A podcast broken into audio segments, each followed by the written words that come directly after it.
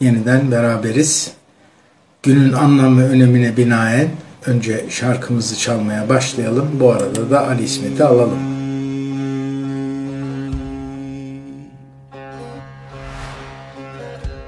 Ne olmadık kulunuzsun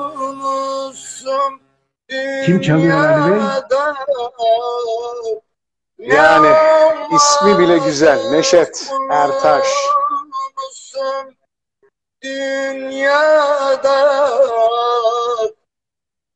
Evet, Neşe Tertaş yazılır, Neşe Dert Aşk okunur diyor. Büyük ustaya saygıyla olsun. Bugün allı turnayla girdim. Konunun adı protokol. Ne alaka? Ee, anlatmaya başlayayım mı alakayı? Evet evet bekliyoruz. Ee, senin konun bunlar. Evet, e, benim sevdiğim konular. Şimdi e, ikisi de aslında şöyle bir alaka. Allı turna Anadolu'da flamingonun adı Ali. İki tane turna var. Birisi Yeni Türkü'nün telli telli telli şu telli turnam. Bir de Allı turna Neşet Ertaş. Allı turna Anadolu insanının flamingoya verdiği isim. Niye bunu Bir seçtik? de Derya Tuna var da onu. O İbrahim Tatlıses'in konusu bizi ilgilendirmiyor. Niye flamingoları seçtik? Geçenlerde Tuz Gölü'nde su verilmediği için ölen 2000 tane flamingo var. Onları hatırlayalım. Biz Doğru. böyle flamingo deyince sanki tropik bir yerde bizden çok uzak alakasız bir şeylermiş gibi duruyor. Vicdanı olanın zaten vicdanı sızlıyor da vicdanı olmayan ya da yakın değilse kendisine empati kuramayan insanlar Neşet Baba'dan Allı Turnamı dinlerlerse flamingonun uzak diyarların değil bu ülkenin kuşları olduğu türkülerimize Neşet Baba'nın türkülerine kadar girdiğini hatırlasınlar ve 2000 tane Allı Turnayı göçemez hale getirdiğimizi hatırlasınlar. Peki bunun konuyla ne ilgisi var? Ee, aslında konu dün çıktı. Ee, İhsan Hoca ile konuşurken demokrasi dedi birisi hatırlıyorsun. Ee, Yunan'dan Hmm. geliyor dedi. Oradan e, demokrasi Türkçe'ye gelen kelimelerden çıktı. Sana ufak tefek bilgiler geleyim, vereyim. Sonra da protokole geleyim. Şimdi bir kere demokrasi ve protokol Yunanca'dan Türkçe'ye geçen iki önemli kelime. Gündelik hayatta sık kullandığımız, birini hiç uygulamadığımız, öbüründen de asla taviz vermediğimiz iki kelime. Ama Yunanca ile Türkçe arasında Ali 6600 tane kelime var ki karşılıklı kullanılıyor. Sayıya dikkatini çekiyorum. 6600 tane kelime. Bak sana Yunanca kelimeler okuyayım. Yunanca değil. Türkçeden Yunanca'ya mı, Yunanca'dan Türkçe'ye mi geçtiği çok belli olmayan bazılarını ben de biliyorum ama bazıları çok zor. Mesela ayrani, baklavas, bamia, bizelye, piperi, bostani, bonfile, bifteki, mezedaki, papudzaki. Papudzaki bizim karnıyarık. Patlizani gibi bunlar sadece sebzeler, meyveler. Bir tane örnek mesela bizdeki revani, onlarda da revani. Ama bu bizden Yunanca'ya geçtiği belli. Çünkü yanlış hatırlamıyorsam Fatih döneminde Erivan, bugünkü Ermenistan'ın başkenti Erivan işgal edildiğinde Fatih'e kutlama tatlısı olarak yapılan bir tatlı adını da oradan alıyor. E, Yerevan, Erivan, Revani diye götürüyorlar Revani. tatlıyı. Oradan. E, dolayısıyla bizden Yunanlılara geçtiği muhtemelen e, bariz olan bir kelime. Yine eşyalar mesela baca bizde batsias, bakıri, baltas balta, batania, sami cam, zım, sımpızi cımbız, sanaki çanak, santa çanta.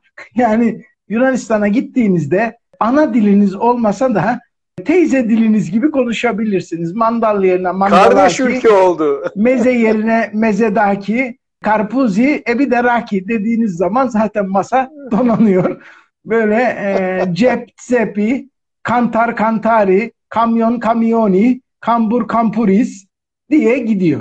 Yunanlıların da çoğunun soyadı da benzerdir. Bundan da yetinmiyor. Mesela ahmak, ahmakis. aptal abdalis, avanak avanakis, batakçı bataksiz, bela belas, bre bre. Bizde hadi bre denir, orada haydi bre deniyor. Ceremesini çekmek mesela ceremet seremez. Çakır keyif, sakır keyfi. Dolayısıyla Çok güzel yani. çok güzel. Dalga dalka, dalavere, dalavere işte Türklerin ve Yunanlıların belki en hızlı oldukları, yakın oldukları ıskarta onlardan bize geçmez. Skartos.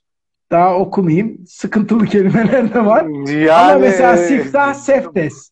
Siftah yani ne kadar sanki kültürel bir şey.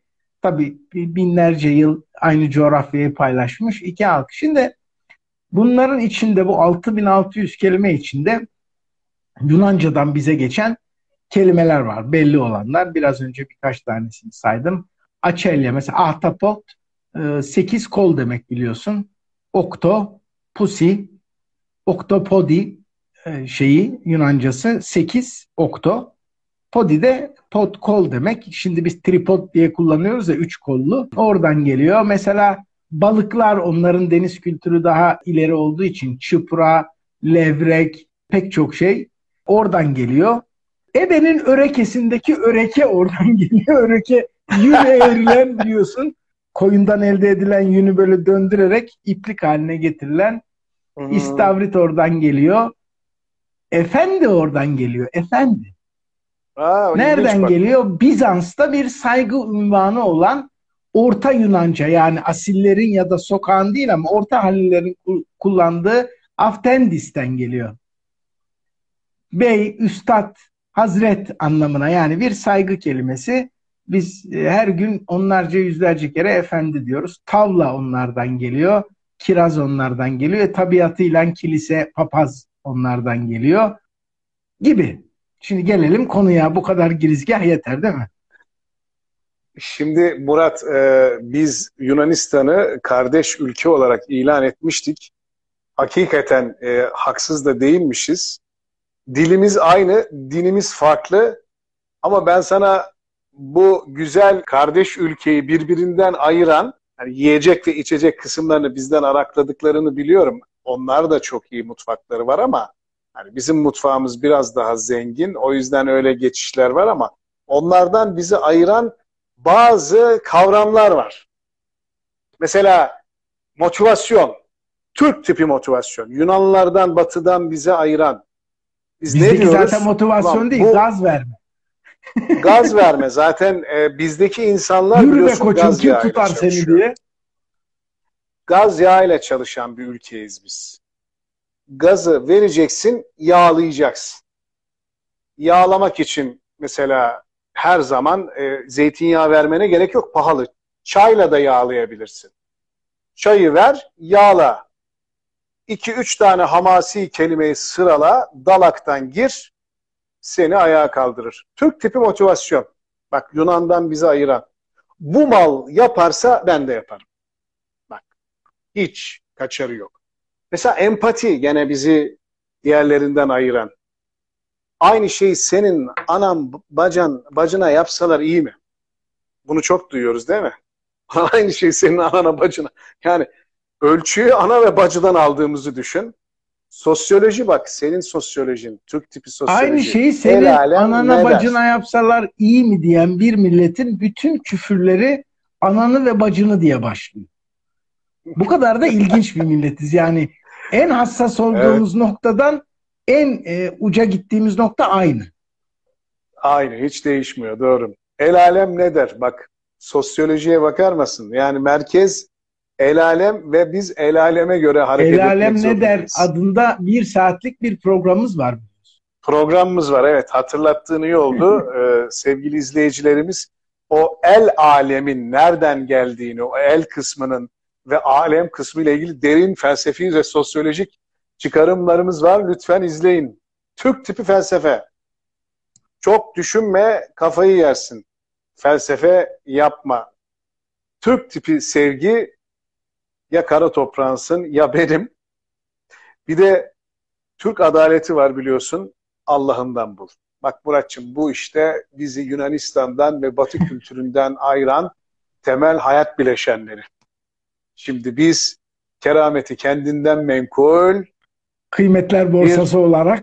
kıymetli borsası olarak bu dünyada Bak güzel, bak, bir güzel milletiz. ticari fikir çıktı Ali konuşurken. Ee, birkaç ortak bulsak bak Mehmet yazmış e, küfür kültürünü sizden öğrendim diye. E, eyvallah Mehmet'im. Bak Bizden Mehmet, mi öğrenmiş? Mehmet kesin ortak olur. Birkaç kişi daha buluruz.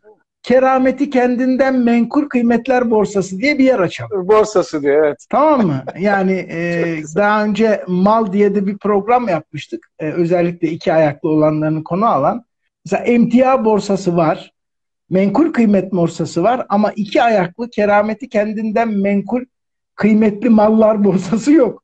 Ve bence bolluk da var. Yani e, hisse alan olur, satan olur. Burada iyi bir ticari fikir var. Bunu değerlendirelim diyor.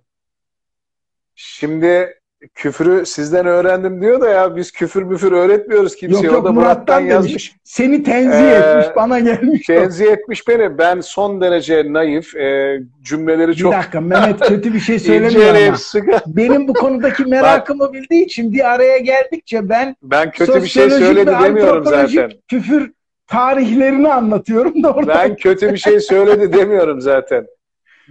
Bunu Can Baba söylüyor.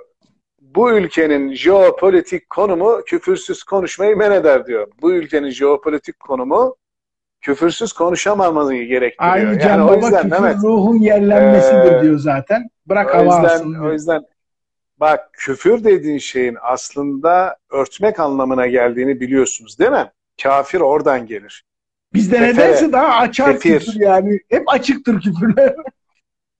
örtmek yani kafir dediğin zaman hakikati örten aslında bilen ama işine gelmediği için menfaatlerine aykırı olduğu için o gerçeği üzerine örtene kafir denir.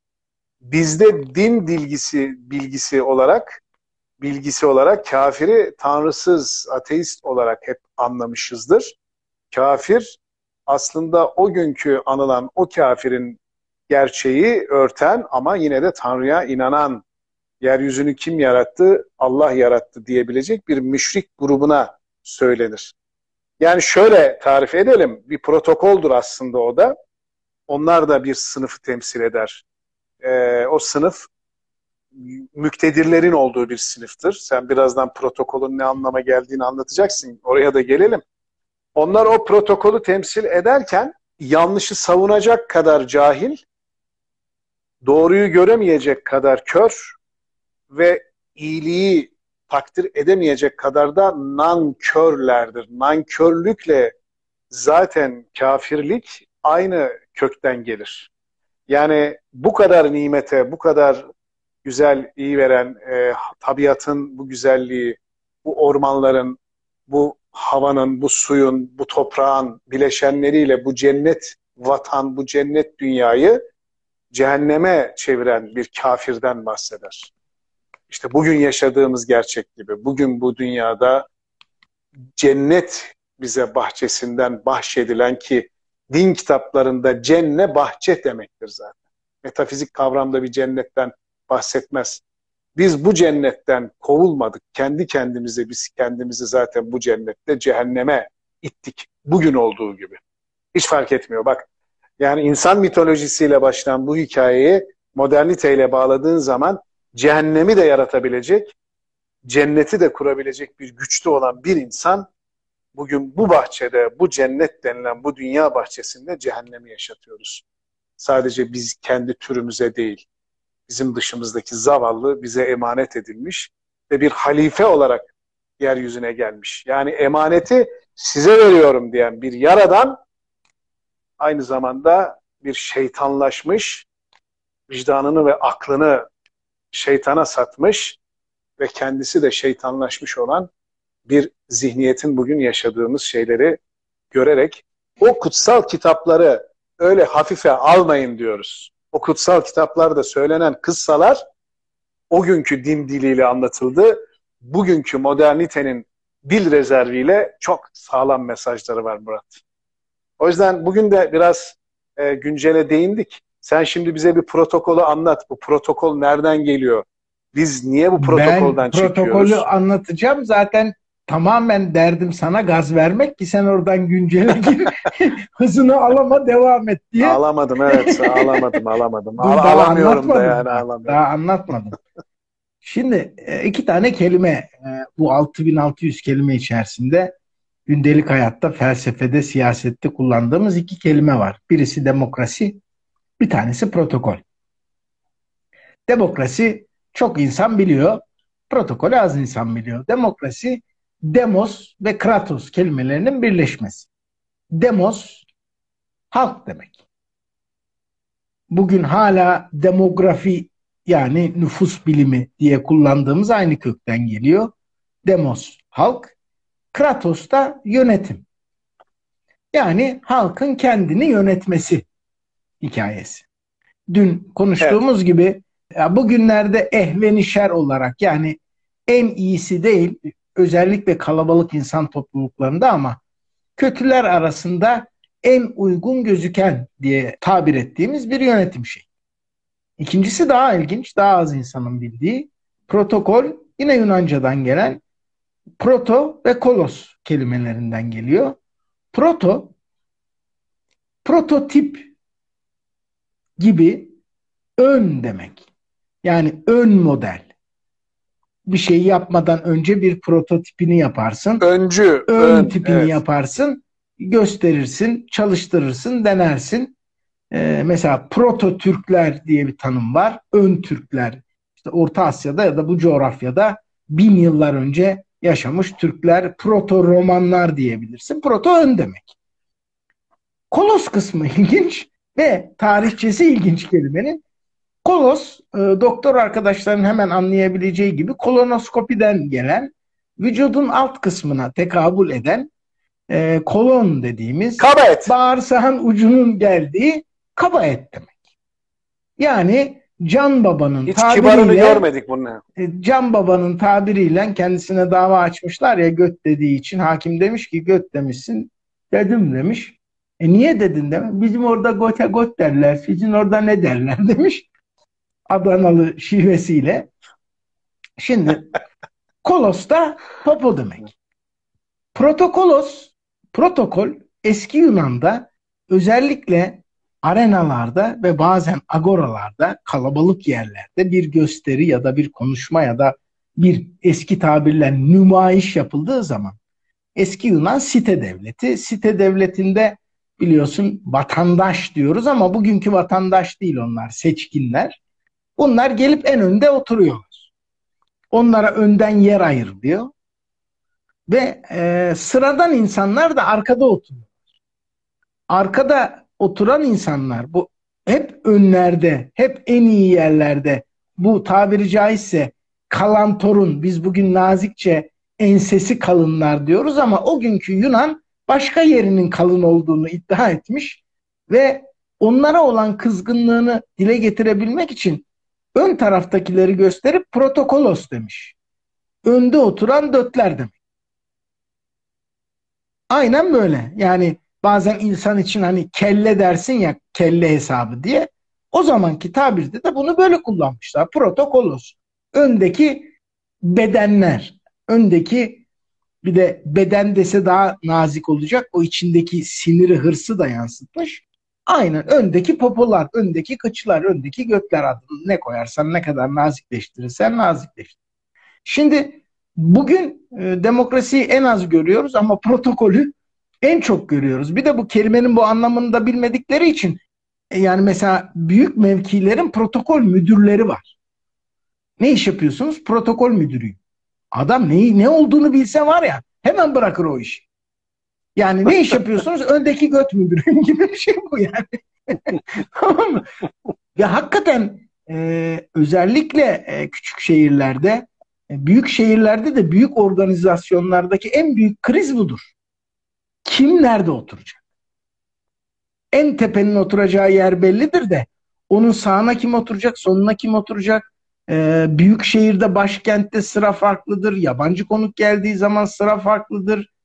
Efendim işte e, şunun başkanı bundan önce gelir, onun e, ilin idarecisi bundan sonra mı gelir? Ankara'dan biri geldiyse onun önünde midir? Kim kimin sağında? Bu en büyük kriz sebebidir. Protokol.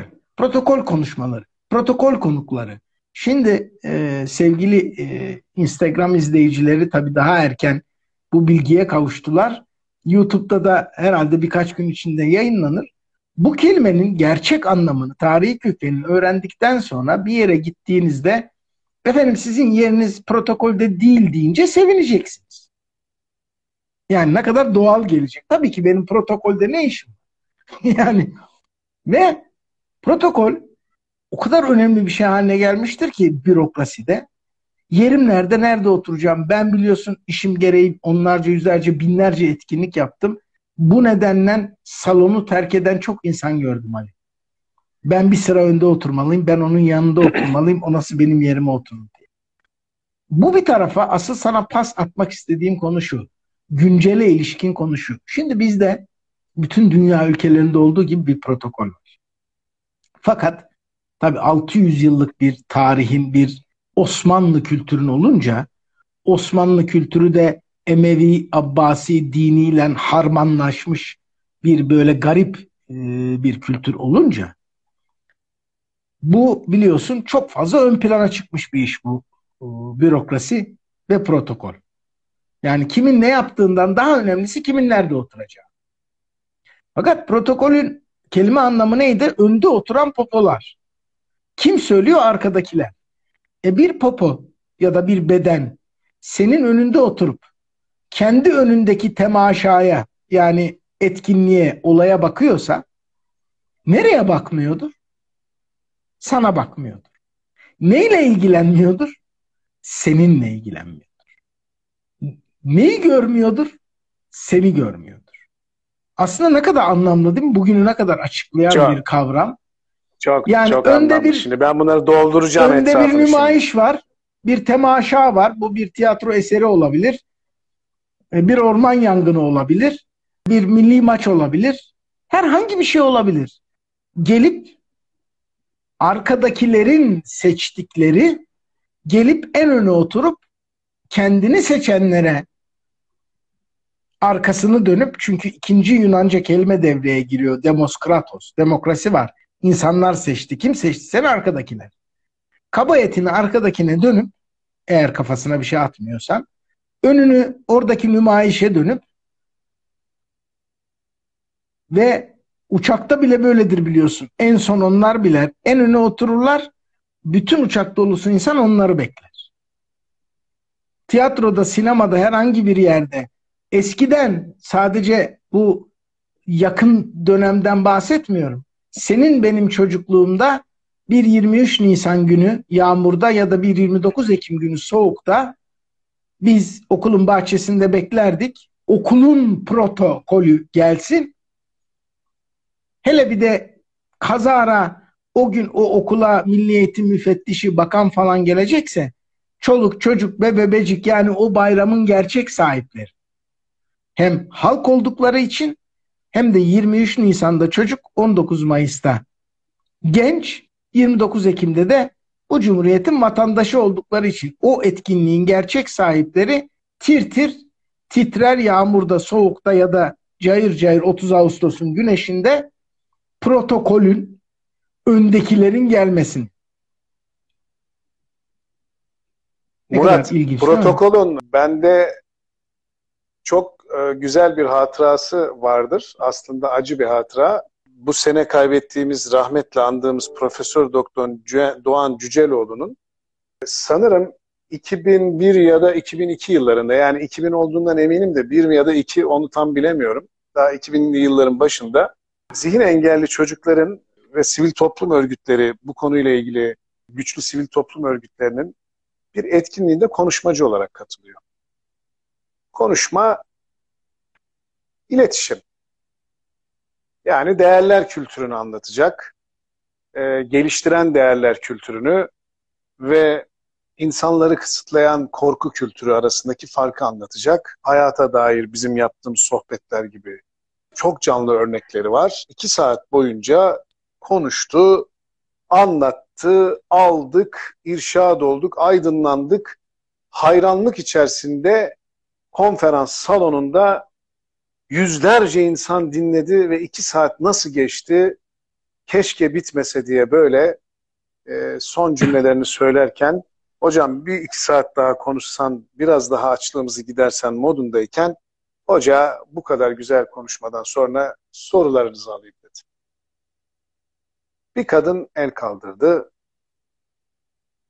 Hoca tabii çok cesaretli bir şekilde hemen soru sormak isteyen var mı deyip de hiç tereddüt etmeden elini kaldıranı görünce gözleri parladı. Hani genellikle seminer konferans salonunda bu kadar güzel bir konuşmadan sonra hemen bir soru sorma çıkmaz. Biraz medeni cesaretini bulmaya çalışırken tereddüt olmadan kalktı, kaldırdı, ayağa kalktı.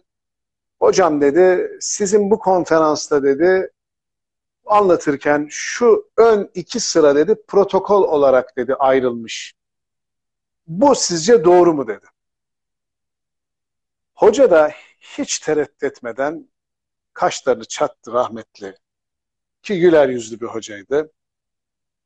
İki saat boyunca anlattığım şeyden bunu mu anladınız dedi. Bir alkış tufanı kadına neredeyse çek git diyorlar. Yani ben iki saat boyunca insan, eşitlik, özgürlük, duygular, değerler kültürü, insanın kendi varlığını özümsemesi, diğer gamcılık e, ve herkesin eşit haklara sahip olduğu gibi her konuda hayata dair ne varsa değinen hoca sadece bir soru soruyor. Diyor ki hocam bu protokol sizce doğru mu? İki saat boyunca ben niye oraya oturamadımın derdini yaşamış hanımefendi. Ama o alkıştan sonra bunun cevabını aldı. Bu bende protokolün ne kadar kafaya takılabileceğini, insanlarda aşağılık duygusu yaratabileceğini ve sınıf farkı yaratabileceği konusunda bir anekdot oluştu. Bu bir. İkincisi ise bak bu protokoller falan hani protokollaslar, kolloslar veya protokol dediğimiz bizim bir başka anlamı da aslında iki taraflı yapılan tutanaktır. Ee, önemli kişilerin listesi anlamında da kullanılır veya işte bir ilan edilecek olan bir listenin başlığıdır vesaire. Bu anlama da geldiğini biliyoruz. Ama senin söylediğin şeyin kökeni oradan geliyor, o hikayeden geliyor. Etimolojisi o. Hicretin ikinci ya da üçüncü yılı Medine'ye hicret edilmiş. Artık Medine devletinde kendine göre bir site devleti oluşmuş ve Medine diyorsun. Yani din devleti, yani adaletin, yani uygarlığın, medeniyetin temel kökünü oluşturan bir Medine ki e, aslında Medine ismi daha sonra konulmuştur. Peygamber site devletinde tabi devlet sonuçta temsilcisi, devleti temsil ediyor orada bir site devleti de olsa. Ebu Zer Gıfari adında Gıfari aşiretinden deli dolu, cesur hiçbir şeyden korkusu olmayan adam geliyor Medine'ye böyle hala göre gidiyor. Yani hiç kimseyi takmadan geliyor. İniyor devesinden aşağıya. Yolda gördüğüne diyor ki burada diyor kendini peygamber ilan etmiş Muhammed isminde birisi var. Nerede bulabilirim diyor. Sert bir şekilde. Adam da diyor ki bak diyor şu Bakkalın ileride ikinci saat.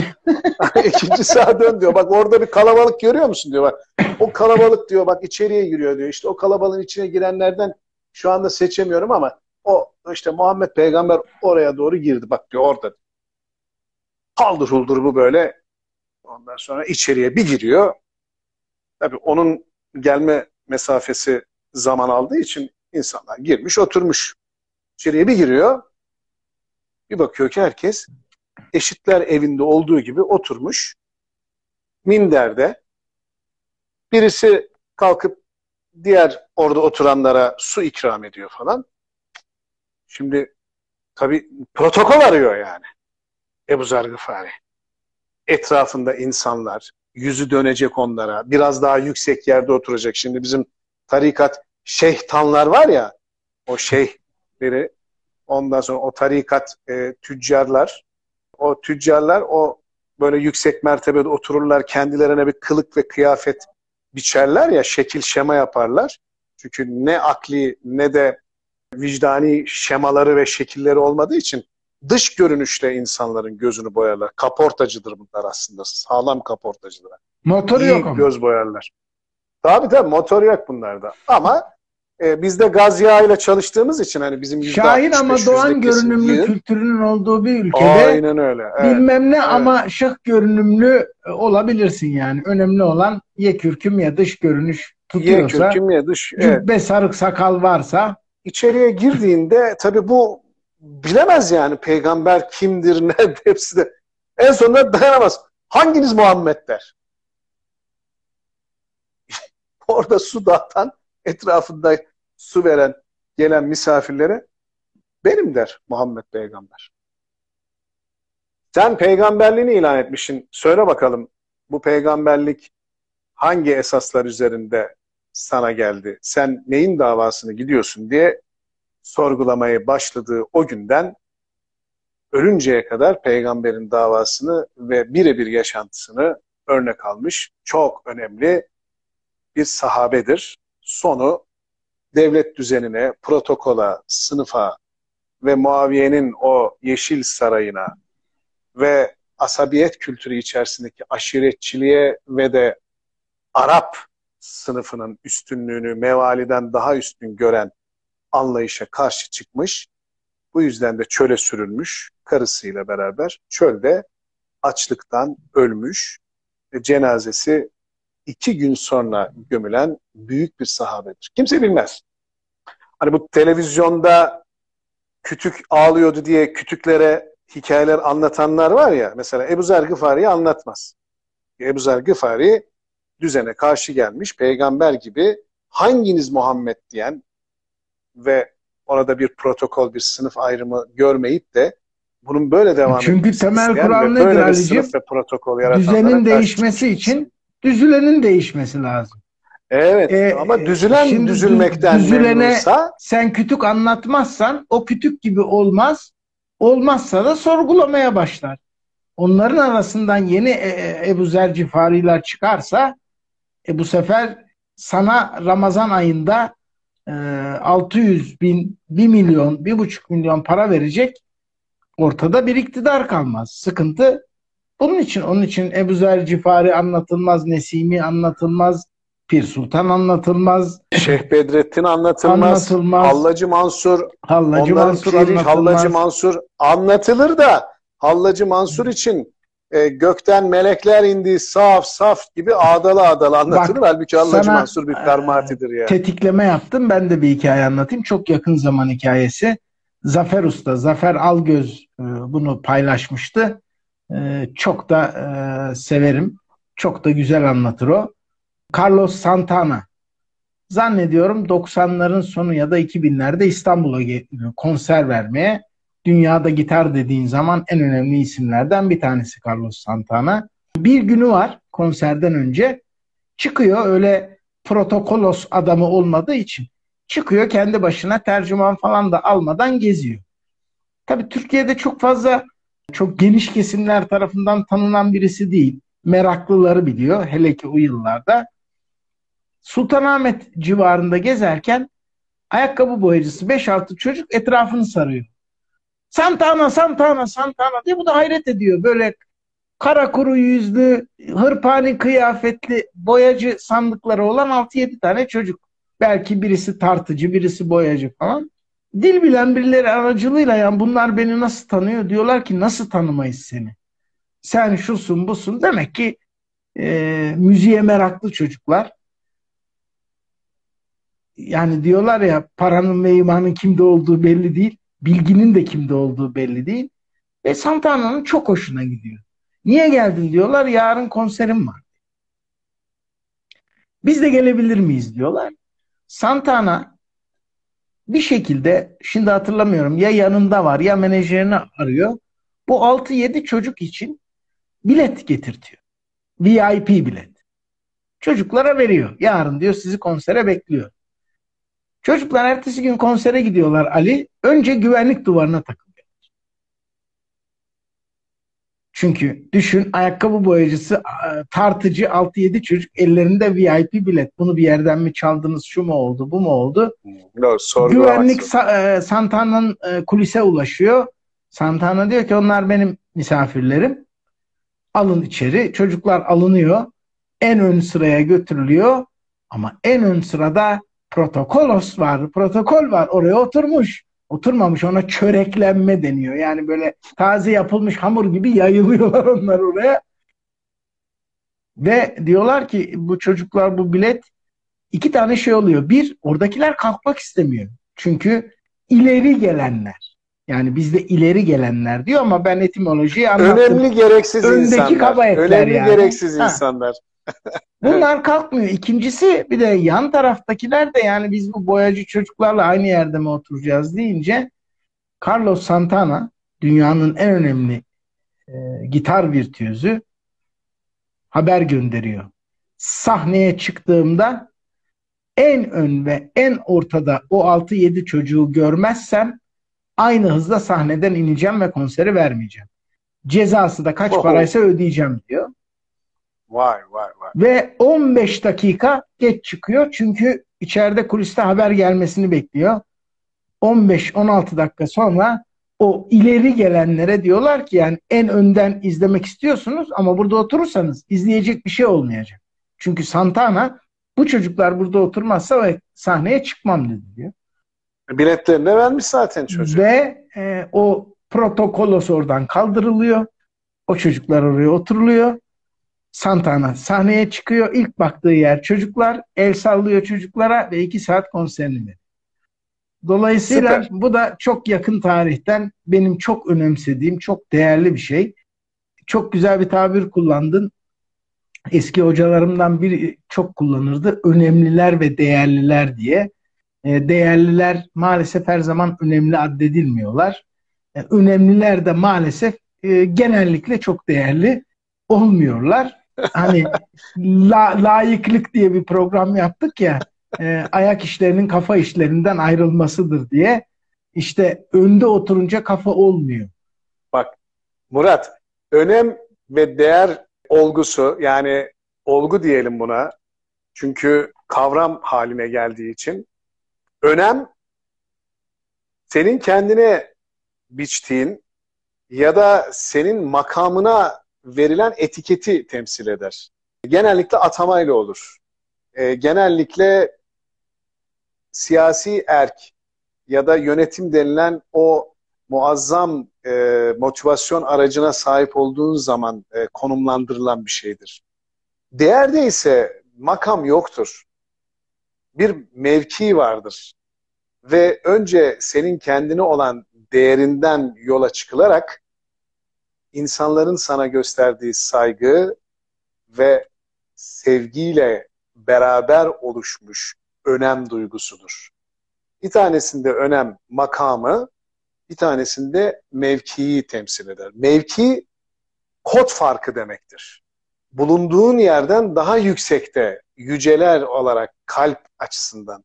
Makam ise fiziken ve etiketle ve dereceyle ortaya konulmuş bir şeydir. Birisi somuttur, birisi soyuttur. Birisi nesneldir, birisi özneldir. Şimdi biz protokolün nesnel bir şey olduğunu biliyoruz. Devletin kendi içinde protokol kurallarının da gerekliliğine belki inanabiliriz. Çünkü biz seninle protokol dersleri de verdik. Hatırla. Ama biz protokolculuk oynayan, protokolla kendini bir affedersin BOK sanan bir kesimi karşımıza alarak konuşuyoruz. Diyoruz ki bunlar aslında geçici sana atamayla verilip bir süre sonra seni de attıktan sonra elde kalan bakiyedir. Sen insanların kalbine hizmetle, sevgiyle, üretmeyle, akılla, vicdanla ne bıraktın? Şimdi bak birçok sanatçı var bugün. Şimdi izliyorsun şu Türkiye'nin cayır cayır yandığı ortamda bir kısım sanatçı da hala korkuyla cılız seslerini çıkartıp korku kültürü, o Doğan Cüceloğlu'nun anlattığı kısıtlayan, seni kalıba sokan ve seni senden çıkartıp bir robot haline getiren korku kültürünün içerisinde kalmışın elindekileri kaybetmek korkusuyla hareket ederken bir sanatçı grubu çıkıyor ki hiçbir şey umurumda değil. Kaybedecek hiçbir şeyim kalmadı. Maddi anlamda ne kaybedersem kaybedeyim. İsterseniz konser vermeyin. İsterseniz televizyonları kapatın. İsterseniz belediyelerinize talimat verin. Beni oraya sokmayın. Ama ben bugün bu Türkiye'nin yarasına derman olacak şu bana bağlı kitleyi gerçekleri söylemek, göstermek, kafir dedik ya hani örten değil de örtüleni, örtüyü kaldırmak, hakikati ortaya koymakla ilgili bir derdim yoksa bana sanatçı deseniz ne olur? Ben bundan para kazansam ne kadar kazanırım? Bunun hesabını yapan dürüst, iyi ve gerçekten sanatçı olmayı hak eden insanlar. Ali küçücük bir Ya parantez açacağım. lafını, lafını unutma. Bir şey daha söyleyeceğim. Bak Murat, bu sanatçı kesimini bir tarafa koyuyorum. Çünkü bunların 1 milyon, 2 milyon izleyicileri var. Bir anda ulaşabiliyor. Yani bir sanatçının misyonu burada başlıyor. Bir mesajı iletken hızında, yani bir elektriğin e, kablodan geçiş hızı çok önemlidir. O yüzden en iyi iletken altındır. Sonra bakırdır. Genellikle bakır kullanılır ama en iyi iletken, süper iletken altındır. Bak altın kıymetinde bir ileti sağlıyorsun. Ve o elektriği ısı ve ışık enerjisine çeviriyorsun. Yani halk kamuoyunu hayata geçiriyorsun. Yüzlerce, binlerce e, bu işe e, katkı sağlayan, oraya kadar giden vatandaşı söylemiyorum yani. yani. Onlar zaten isimsiz kahraman. Ama ismi cismi belli olup da makamından korkmayan, ulan bu mevkiim düşer mi acaba? Bu kottan düşer miyim ben? Acaba şu Nemrut'tan aşağı doğru düşer yani. kotunun derdinde olmayan insanlar var. Takdir ediyorum. Evet Muratçım buyur. Evet yok devam et. Sadece e, sevgili Dücane'nin şey. Dücane Hazım Cündioğlu'nun bir lafı var. Yani bir üçlemesi var. Çok seviyorum. Sen söyleyince aklıma geldi. Diyor ki e, şöhret halkın sana verdiği değer. Topçunun popçunun ki. İtibar seçkinlerin sana verdiği değerdir. Doğru. Haysiyet senin sana verdiğin değerdir.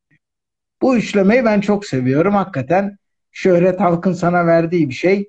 Ee, 10 dakika sonra da geri alabilir. İtibar kendini seçkin zanneden, elit zanneden biraz kalbur üstü e, zümrenin birilerine verdiği, bahşettiği itibar. Eskiden asillik vardı, soy. Şimdi o kalmayınca bir soy adı, bir de işte itibar denen e, hikaye kaldı. O asillerin, soyluların ya da seçkinlerin verdiği bir de haysiyet var. O da senin sana verdiğin değer diyor. Bu Dücane'nin lafını çok seviyorum. Mehmet Bak demiş o ki haysiyetin Haluk Ha. Levent ahbaplara bakın bir de demiş.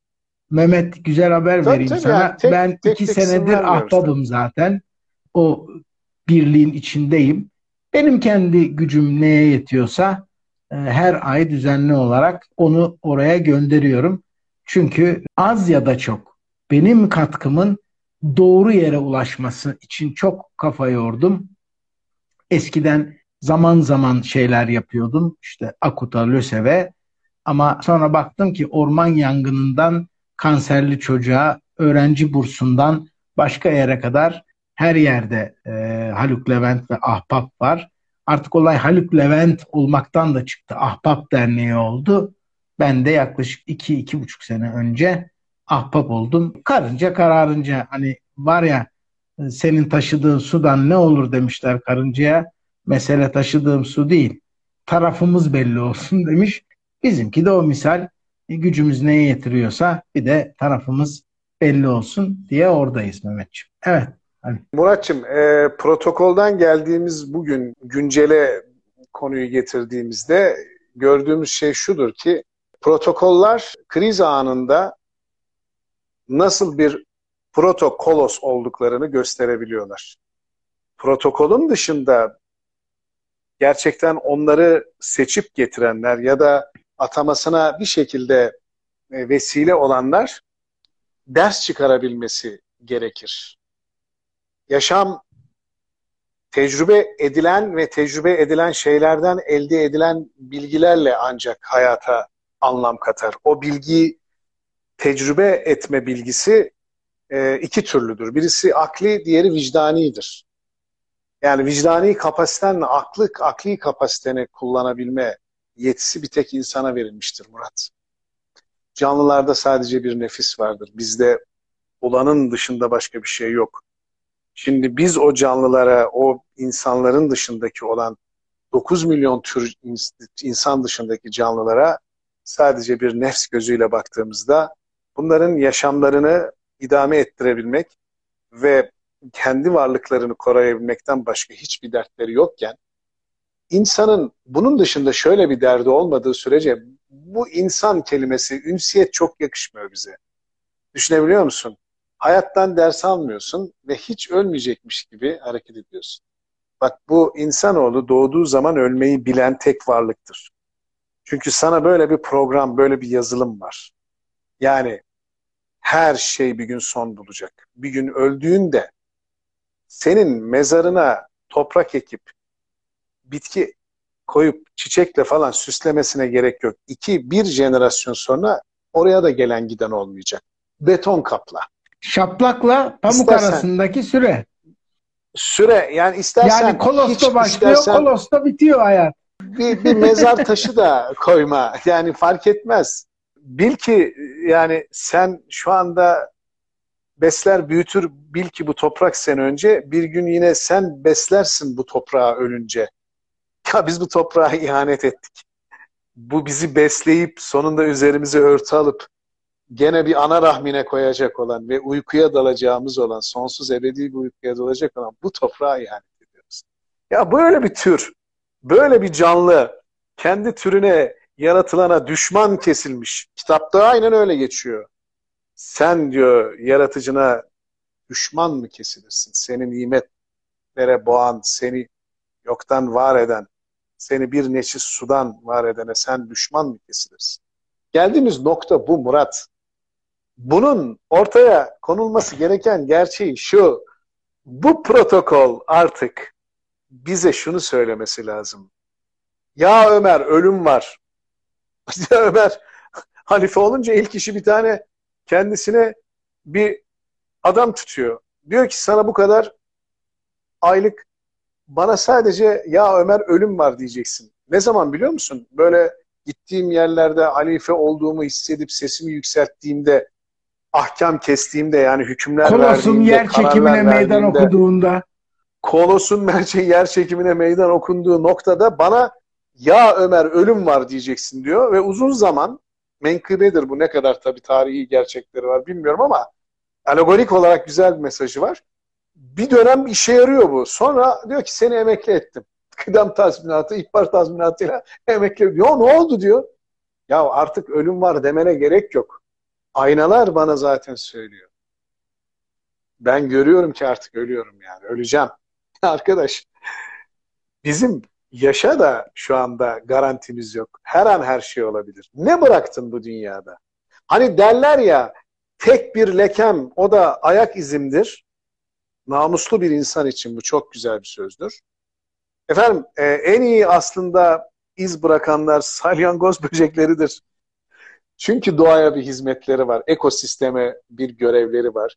Bizde sabun bile olmuyor be Murat. Yani elimizden sabun ya, bile olmuyor. Köprünün demiş ya biliyorsun. Köprünün demiş ya aynen öyle. Şimdi sen söyleyince aklıma şu geliyor Ali. E, şu hiçi hani bir anlat sakın sen. Hiçi. anne tarafından Kastamonlu olduğun için alınma ama hani daş düşebilir ayı çıkabilir diyor ya. Bence, bence o ormanda ayı çıkabilir demek yerine tabelayı yola değil ormana doğru çevirip dikkat insan girebilir demek lazım. Bence öyle. ayıyı uyarmak lazım. Ayıyı uyarmak lazım. Çünkü doğru. ayı dediğin hayvan güzel. bir petek bal bir tane balıkla doyuyor ve bir daha doyana kadar bir tehlikesi yok. Karnı, gönlü ve gözü doymayan bir tek insan var. Ve o açgözlülük, o doymazlıkla akılsızlık birleştiği zaman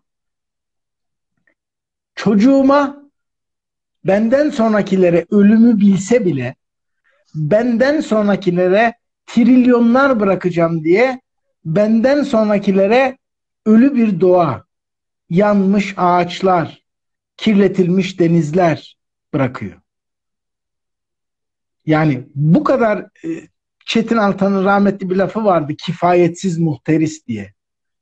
Yani bu kadar hırslı ve aynı zamanda bu kadar akılsız.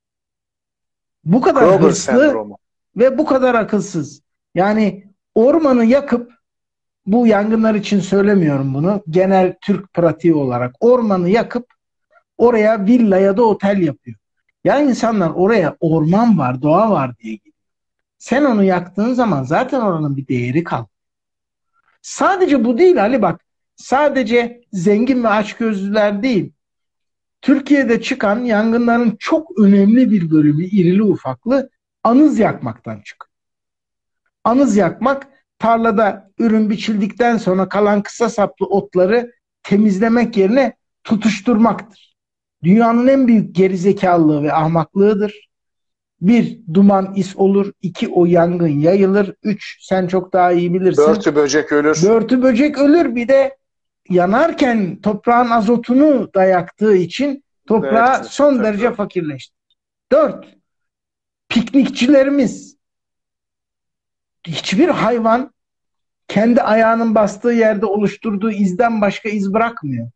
Biz bir gidiyoruz adam çöplerle e, Mehmet, Ahmet, Ayşe, Hatice, Murat buradaydı yazıyor çöpleriyle. O kırık cam şişesi mercek görevi görüp bu sıcaklarda her an bir şeyi tutuşturmaya koyu renkli kağıt parçaları dahi her an bir şeyi tutuşturmaya yani hiçbirimiz masum değiliz. Diyor ya İsa ilk taşı en masumunuz atsın diye. Burada herkes birbirine taş atıyor ama hiç kimse çok masum. Bakıyorsun Avrupa ülkelerine uçak var yok başka bir tartışma konusu. Evet daha çok olmalı. Ama daha önemlisi bakıyorsun ya iki ay Temmuz ve Ağustos bunun en riskli olduğu ay. Peki bu adamlar ne yapıyor Temmuz ve Ağustos'ta? Düzenli şekilde bu uçaklarla sulama yapıyorlar bu alanları. Kuru kalmasın ki yangın çıkmasın. Biz ne yapıyoruz? Yangın çıkarsa uçağı sağdan sola gönderip söndürmeye çalışıyoruz. Şu andaki tartışma ne? Uçak var mı yok mu? Evet önemli bir tartışma. Ama daha önemli bir tartışma daha var. Var olan uçakları nasıl kullandık? Temmuz ayının başından itibaren bu alanlar, bu kadar sıcaklık, meteoroloji artık daha ileri 10 gün 15 günlük tahmin verebiliyor. Kaldırıp suladık mı? Nemlendirdik mi? Sade uçaklarla değil, tomalarla, itfaiyelerle, orman müdürlükleriyle nemlendirme çalışmaları yapıldı mı? Piknikçiler daha dikkatli oldu mu? Bütün bunlar yani bütün bunlar e, protokolos dediğimiz zaten bir büyük sıkıntı. Ama onu protokolos haline getiren arkada oturanlar iki yanlış yapıyorlar. Bir, layık olmayanı protokolo sağlıyorlar. İki, kendileri de aynı şekilde davranıyor. Çöpünü atıyor, camını kırıyor, atıyor, içtiğini atıyor. Herhangi bir önlemi yok. Bütün beş yıldızlı otellerde biliyorsun yönetmelik gereği sprinklerlar vardır. Yangın söndürme sistemleri.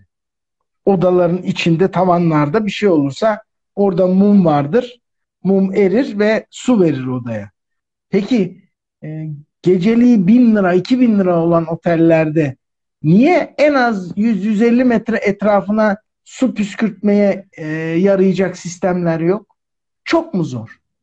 Bir depo bir motordan bahsediyoruz. Otel çok büyükse bir ana depo 4-5 farklı motordan bahsediyor. Yok inşaat yönetmeliğine göre zaten e, yapması gereken İçeride. yangın söndürme Ama var etrafında içeride. yani 100 metre 200 metre civarında tatil 100 köyleri metre ve 200 siteler var. civarında. evet. Biz şöyle yaşıyoruz Ali. Senelerdir söylüyorum. Su kıtlığı başlayacak dendiği anda herkes gidip evine depo almaya çalışıyor. Kimse şunu düşünmüyor. Ya ben 5 tonluk 10 tonluk depoyu aldım. Suyu aldım. Ya komşumda bu imkan yoksa komşumun çocuğu bitleniyorsa benim çocuğumun bitlenmesiyle arasındaki fark 2 gün. Kaç litre depon olursa olsun. Doğru mu? Bit bu. Bitin yavrusuna ne diyoruz? Yavşak. Adı üzerinde yavşaklık yapıyor. Durduğu yerde durmuyor. Senin çocuğunu atlıyor. Ya arkadaş kendini kurtaran kaptan değil. Ya topyekün yaşarız. Bak Marmaris'te orman yanıyor. Enerji nakilatları çöküyor. Ankara'da elektrik kesiliyor Ali. Biz zannediyoruz ki buraya hiç etkisi yok.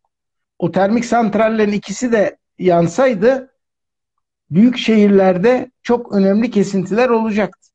Hele kışın doğalgaz hem yakıta hem enerjiye gidince olacaktı. Hala bunu anlamadık. Hala aynı ülkede, aynı kıtada ve aynı dünyada yaşadığımızı bunların hepsinin hepimizin kaynağı olduğunu anlamadık. Evet İrfan Bey demiş ki her millet layık olduğu şekilde yönetilir. E, onu o programımızda söylemiştik. Bir de hatırlatma yapayım sonra e, kapanış için topu sana vereyim Ali. Geçenlerde sağ olsun Ayşen klibini de koydu. Buna çok yakın bir program yaptık seninle yaklaşık bir sene önce. Afet Hanım ve Keriz Bey. Afetlerin nasıl olduğunu ve karşısında Doğru. da kriz yönetimi mi yoksa yapılanın kerizlik olduğunu anlatan bir programdı. E, meraklı dinleyiciler, takipçiler o programı izlemedilerse sanki bugünü anlatırmış gibi konuşmuşuz her şeyi. Evet. Son 5 ee, dakika ee, evet. şiir var mı? Son be... Şair ya, var, yani şiir şimdi, var. Şimdi e, şiir her zaman var ama işte bugünlerde böyle e, içinden güzel şeyler söylemek gelmiyor. Böyle affedersin. Ben sana hani, bugünün şiirini e, okuyayım mı? Salma, bir değişiklik yapalım kendimi, mı? höykürüyüm. Yapalım tabii. Niye olmasın? Çok mutlu Bak, olurum ya. Şimdi şiiri okuyan sensin ama bugün sinirden şiiri ben okuyacağım. Sen Çok oku anlamlı, evet. Çünkü ben bugün höykürmek istiyorum. Ben de höyküreceğim zaten. Günün anlamıyla ilgili tek şiir geliyor aklıma. Geçme Namık Kemal Köprüsü'nden ürkütürsün vakvakları Marmaris'e çam diktim git topla kozalakları diye bir küçük kısa kuple okudum sana. Çok güzel. Ee, ben de bunu birazcık daha pasta kıvamında krema haline getireyim de çok sert olmasın. Eğer ay doğmuyor, doğmuyorsa yüzüne, güneş vurmuyorsa pencerene, kabahatı ne güneşte ne ayda ara, gözlerindeki perdeyi arala biz bu gözümüzdeki perdeyi aralamadığımız sürece daha çok vicdanlar yanacak, analar ağlayacak, bu ağaçlar, bu börtü, böcek, bu kuşlar, bu canlılar ve çok yoksul insanların haneleri, ocakları yanacak. Bu gözümüzdeki perdeyi aralamadığımız sürece, yaşadıklarımızdan ders almadığımız sürece Allah'ın bize kitapta belirttiği gibi bir topluluk kendi durumunu düzeltmedikçe o topluluk asla iflah olmayacak ve durumu düzeltilmeyecektir. Yani benden bir şey bekleme diyen bir tanrıya bugün il müftüsü arkasına bir güruh insanı alıp da ellerini açıp Allah'ım biz bu yangınla mücadele edemedik senden yağmur bekliyoruz diye eğer buraya gelmişsek biz Gelmişizdir çünkü meteoroloji cumartesi yağmur yağacak dedi. Karanlık içinde yanmışız da haberimiz yok. Bu ülke beyin ölümü gerçekleşmiş bu ülkede çıkıp birisinin bu ülkede bir beyin ölümü gerçekleşti. Bu büyük bir kitle ölmüş. Bundan haberiniz yok mu diyecek cesaretli insanlara ihtiyacımız var. İyi akşamlar diliyorum. Evet, beyin ölümü zaten gerçekleştirmişti hayatta tutan bayanlar, bayanın ölümü de gerçekleşirse bu ülkede her şey ölecek. Yangın söndürmede de en önde sırtında sular, hortumlar taşıyan o yüreği güzel kadınlara, analara, bacılara, eşlere, kardeşlere de selam olsun diyoruz. Haftaya görüşünceye kadar herkes kendine iyi baksın. Hoşçakalın. Hoşçakalın.